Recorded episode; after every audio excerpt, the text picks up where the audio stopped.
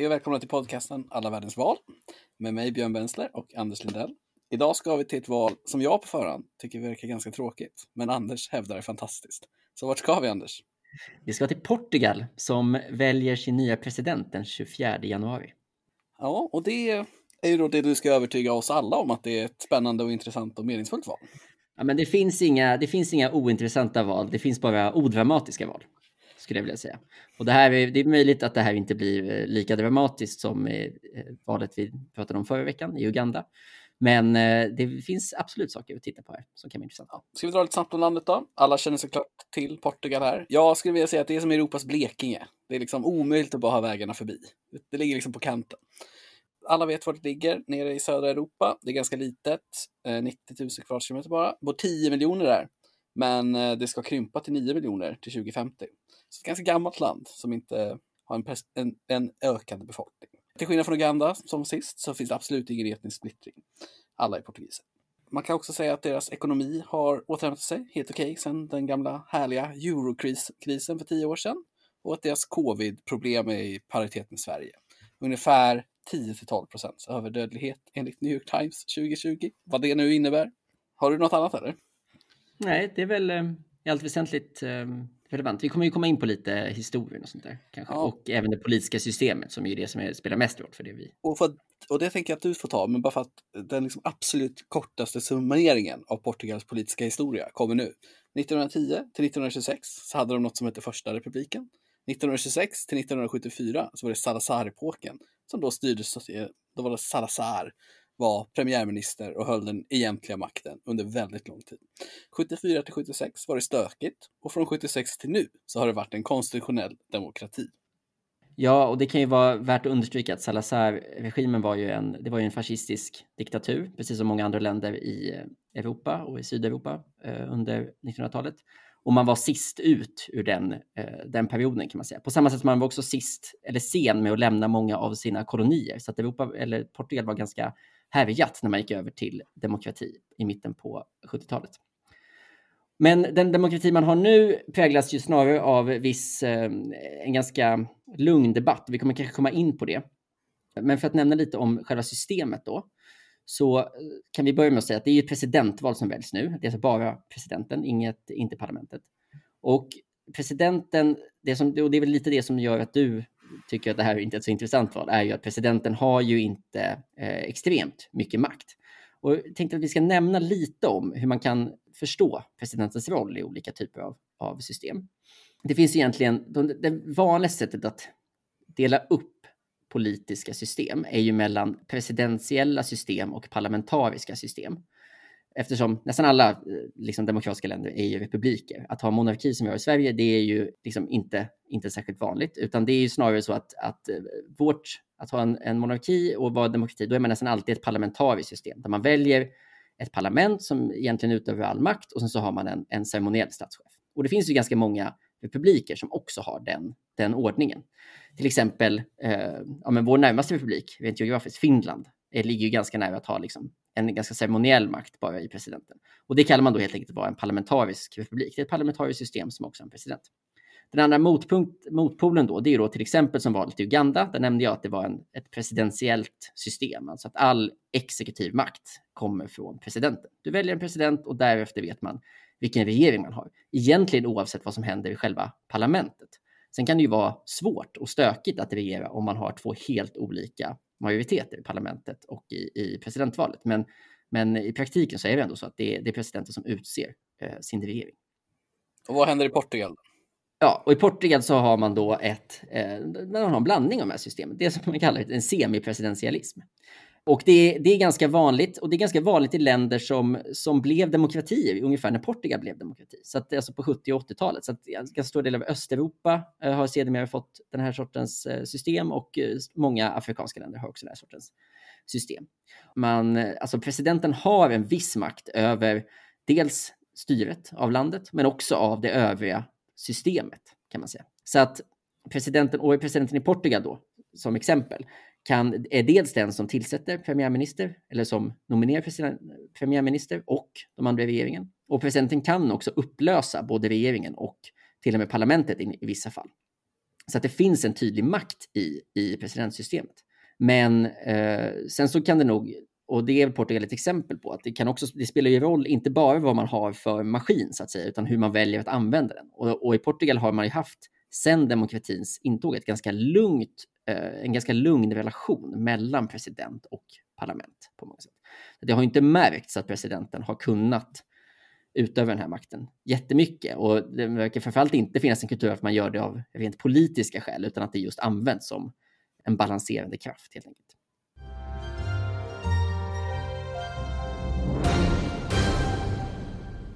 Det som jag kan tycka är lite ospännande med den här typen av val är ju att det handlar ju inte om sakfrågorna på något sätt. Då.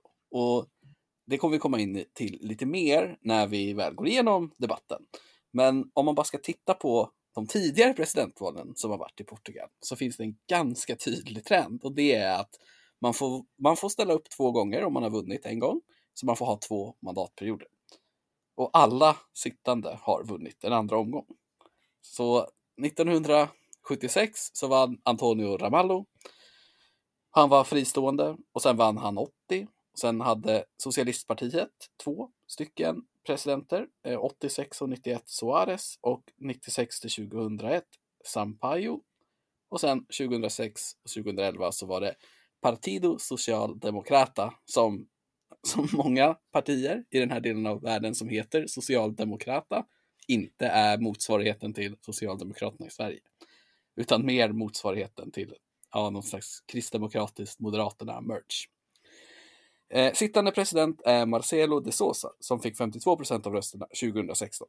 Och om historiens indikerar något om framtiden så kommer han vinna igen. För så har det helt enkelt varit i Portugal. Har vi någon förklaring till varför det har varit så?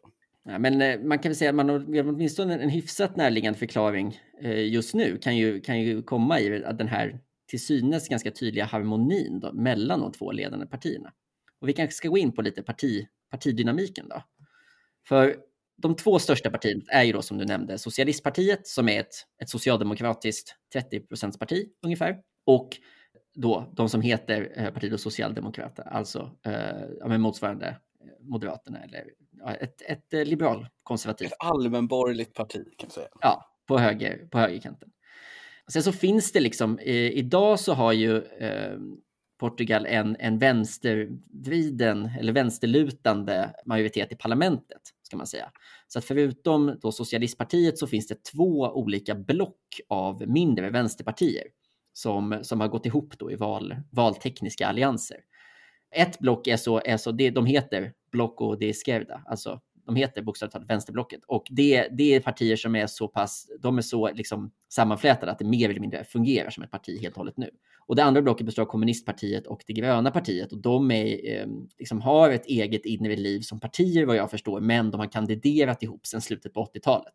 Och varför de, de har nöjt sig med att ha två block och inte ett, nu när det verkar så behändigt för dem att gå ihop, det kan inte jag avgöra. Men så verkar det vara i alla fall. Så, att, så att det finns ju en, en lutning mot vänstersidan helt enkelt i, i nuläget.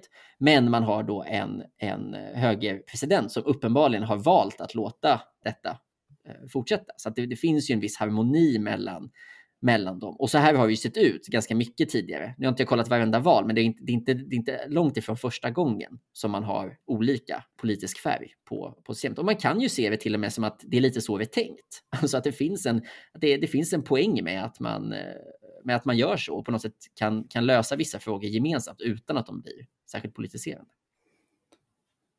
Ja, och sen att det här med att vänsterpartier har svårt att hålla ihop och det, det, det, det finns ju på många delar av världen. De är långt ifrån ensamma. Och så ska vi också nämna att det finns, det finns också ett litet värdekonservativt eh, parti, eller man ska säga, alltså, eh, ja, som är, som är då ett, ett högerparti ekonomiskt, men som fokuserar något mer på eh, de här eh, ja, men mer, mer ehm, ja, socialkonservativa frågor helt enkelt.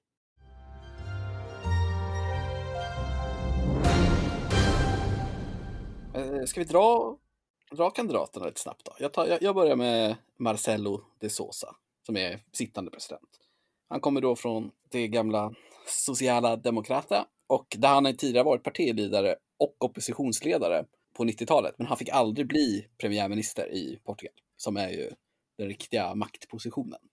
Och då är det ju, som jag har förstått det, inte ovanligt att man trillar vidare till att bli en presidentkandidat. Lång och trogen tjänst, grejen. Så han sitter och har vi något på honom som person eller politiker, Anders? Ja, men att han är... Jag, jag, kan säga att jag har ju, den bilden jag har fått från honom är ju ganska mycket som av att ha, ha tittat på lite debatter han har deltagit så. Det är en ganska, han är ganska gammal. Uh, han är över 70. Liksom vänlig, ganska, mjuk framtoning. Så, så att han, han påminner mycket om, om det man kan utläsa av, uh, av siffrorna kring relationen mellan de här partierna. Lite utmanare då. Anna Gomes, vad har du på henne? Ja, för då, det är, vi börjar lite längre bort. Anna Gomes tillhör ju Socialistpartiet, men hon är inte Socialistpartiets kandidat. Utan tidigare i höstas så, så berättade de att de inte kommer kandidera mot eh, eh Eh, eh, Marcelo Rebello de Sosa. Därför att man helt enkelt, och det finns väl goda skäl till det eftersom man uppenbarligen inte kunnat regera helt okej okay med honom som, som president. Så att eh, de valde att inte göra det. Men, men vem som helst får ju kandidera och det gjorde då Anna Gomes. Som är en en ganska vad ska man säga, gammal och liksom ganska trygg och välkänd person i, i liksom portugisiska eh, politiken, men inte som politiker. Hon har varit liksom diplomat och haft ganska liksom, tunga uppdrag inom det och kom in, eh, kom in i politiken på 2000-talet. Och nu så har hon, har hon senast varit Europaparlamentariker och är just nu liksom ledamot i kommunfullmäktige. Den eh, i en kommun som heter Sintra så att hon är inte en, hon är liksom inte en supertung, hon är långt ifrån att vara partiledare, men hon är en ganska, har varit en ganska uppskattad och seriös eh, spelare inom, inom eh, ja, portugisisk, vad ska man säga, hon är en slags ämbetskvinna helt enkelt, mer än vad hon är en, en politiker tidigare. Så att hon, hon kandiderade egentligen, ja, egentligen då utan att ha sitt partis godkännande. Men det har funnits, och hon har ju stöd, dels då av några av de mindre vänsterpartierna och av, av såklart en del individer inom socialistpartiet som tycker att hon är, hon är bra. På vänsterkanten och på vänsterkvinnor så har vi också Marisa Matias från ja, BE då. Vad sa du att de kallade sig ja? Blocco di Scherda, alltså vänsterblocket. Och hon tog rekordet förra valet med antal röster för en kvinna med 10 procent ungefär. Eh, vilket tyvärr inte verkar gett henne jättemycket medvind in i det här valet, för hon ligger på ungefär eller något lägre siffror just nu. Men hon är ju då ytterligare en vänsterkandidat och det är ju lite intressant att det känns som att det finns flera starka vänsterkvinnor på, på spelplanen. Ja, det är också intressant att om det är någonting, om det händer någonting eh, oväntat i det här valet så, så finns det en ganska stor risk att det beror på, eller möjlighet hur man ser det, att det beror på just att, att vänstern är splittrad i det här valet. Därför att skulle man slå ihop rösterna på Anna Gomes och Maria Mattias så är man ju en klockren andra plats. Liksom. Anna Gomes har väl, du får rätta mig om jag har fel, men hon har väl legat ganska tryggt på andra platsen under hösten och, och vintern i, i många av mätningarna. Ja, det har hon gjort. Vi kan ta det lite närmare när vi går igenom opinionsläget sen. För att vi har ju en kandidat till som är, som, ja. är, som är ju den som kanske gör det här valet extra intressant och sätter in det i en stor politisk europeisk kontext. För vi har ju en herre som du kan berätta mer om nu. Ja, nej men det som man kanske studsade på när vi gick igenom partierna i parlamentet är att, är att eh, det finns egentligen inget stort högerpopulistiskt eller eh, högerextremt parti i, i Portugal. Man har, varit, man har inte haft det som en del av, av den partipolitiska kartan till skillnad från men typ alla andra europeiska länder. Men detta kanske förändras med eh, det här presidentvalet som, som startskott. För det finns, det finns i, i nuläget en Eh, parlamentariker från det högerextrema partiet Chega. Och Chega betyder det är nog eller det räcker eller så. Och, eh, och det är då André Ventura som, eh, eh som också då kandiderar i det här presidentvalet. Han är väl på många sätt är han ju nästan en filmiskt tydlig version av en, en högerpopulist. Alltså han är känd sedan tidigare, framförallt för att han har varit sportjournalist. Hans Eh, så att han har liksom en viss plattform och han använder väldigt många olika verktyg för att synas och, och höras i det här valet. Och ska man säga någonting om, bara om Chega så är ju det, de är liksom inte, ja, det är alltid speciellt vilka ord man använder om den här typen av partier. Alltså, liksom, är det ett rasistiskt parti, är det ett högerextremt parti eller är det ett missnöjesparti eller så. Men man kan väl säga att den frågan de allra tydligast kampanjar på är ju att eh, minska asylinvandringen och det finns också en del andra förslag som handlar egentligen om, om då, som är mer tydligt ekonomiskt höger, alltså minskade, högre krav på människor som får försörjningsstöd eller andra typer av bidrag. och sådär.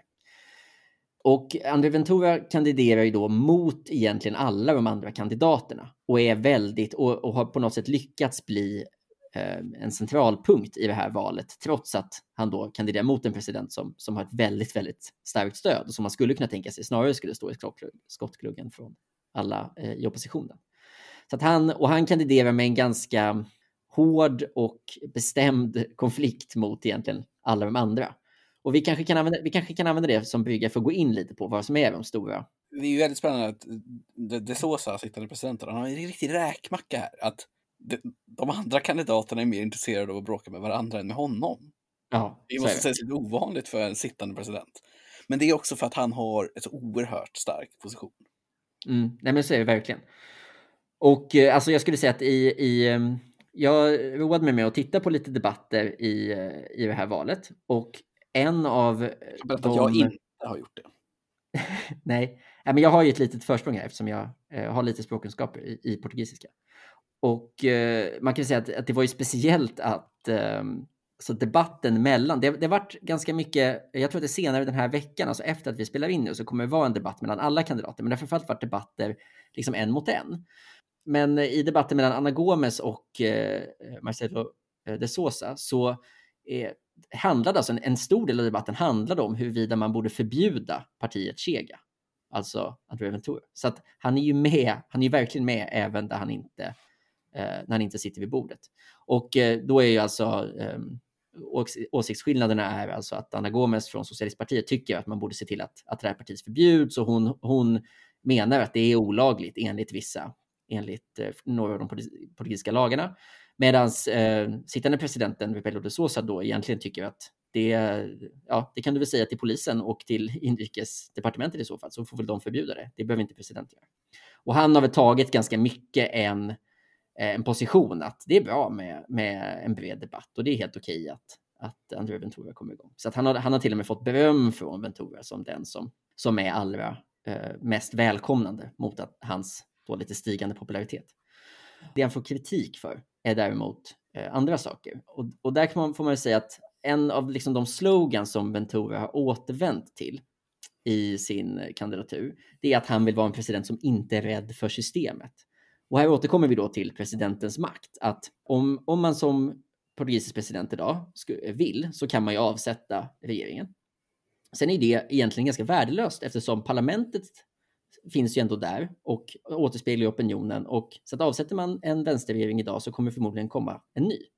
Så att det, är ju inte, det finns ju ingenting eh, som kommer ändras, förutom att det kommer bli en, en period av turbulens.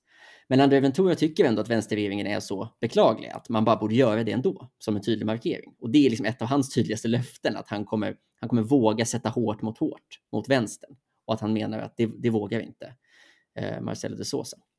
Så att eh, han, han är ju lite en, ja, han är beredd att använda alla möjliga verktyg. Och i en, av, en intervju jag tittar på med honom så får han frågan, men är du, du som är en så splittrande person, är du inte, kommer du verkligen kunna vara en president för alla portugiser? Och det är ju en klassisk, alltså det kan man ju förstå för att det är just det, det är ju rollen som president, att man ska kunna samla landet. Och han svarade på det att nej, det vill jag inte vara. Jag är inte en president för alla portugiser. Uh, jag är inte president för de som inte jobbar eller för de som fuskar med bidrag och sådär. Så man får ju säga att han, han räds ju inte att sticka ut och att bryta lite mot den här eh, traditionen. Och det är väl det som, som är hans hopp lite grann. Om han nu ska lyckas med det som man väl får säga ehm, de försöker här, nämligen att, att tränga sig in i den politiska debatten och, och ta plats. Ja, han känns som en kille som försöker bygga en position för framtiden här. Ja, verkligen. Precis. Det spelar absolut ingen roll för dem att han vet? inte kommer vinna. André Ventura kanske blir ett, ett, stort namn i europeisk politik om tio år. Jag menar, snabba karriärer går att göra, speciellt med liksom hur partilandskapet ändå blir liksom mer spretigt i hela Europa. Eh, jag har försökt titta lite på, på honom i den här, men jag kan inte språket. Men han har ju ändå lite karisma. Ja, verkligen.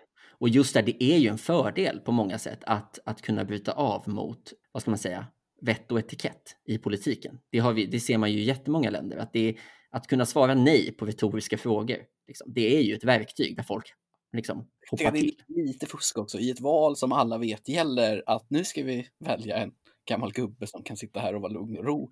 Så, så försöker ju han, liksom går han ju på val på att ska vara något helt annat. Så han har ju Ja. också en, en liksom så här, det han vill vara om han skulle bli president, vilket han inte kan bli, det är, ju- han kommer förlora ett stort. Så det skulle ju inte vara det han gjorde då, för att det går ju inte. Liksom. Nej. Nej, och det skulle ju också, eh, om man ska vara riktigt cynisk, så att, ja, det är ju en katastrof för honom att vinna också. Därför att han, han skulle ju behöva vara en mycket mer, han skulle ju behöva göra saker som inte hans politiska plattform faktiskt eh, liksom ger möjligheter till. Eller för den delen eh, liksom bränna allt förtroende genom att vansköta ämbetet. I den mån det går nu, med tanke på att det, att det är så mycket en ceremoniell och enande position.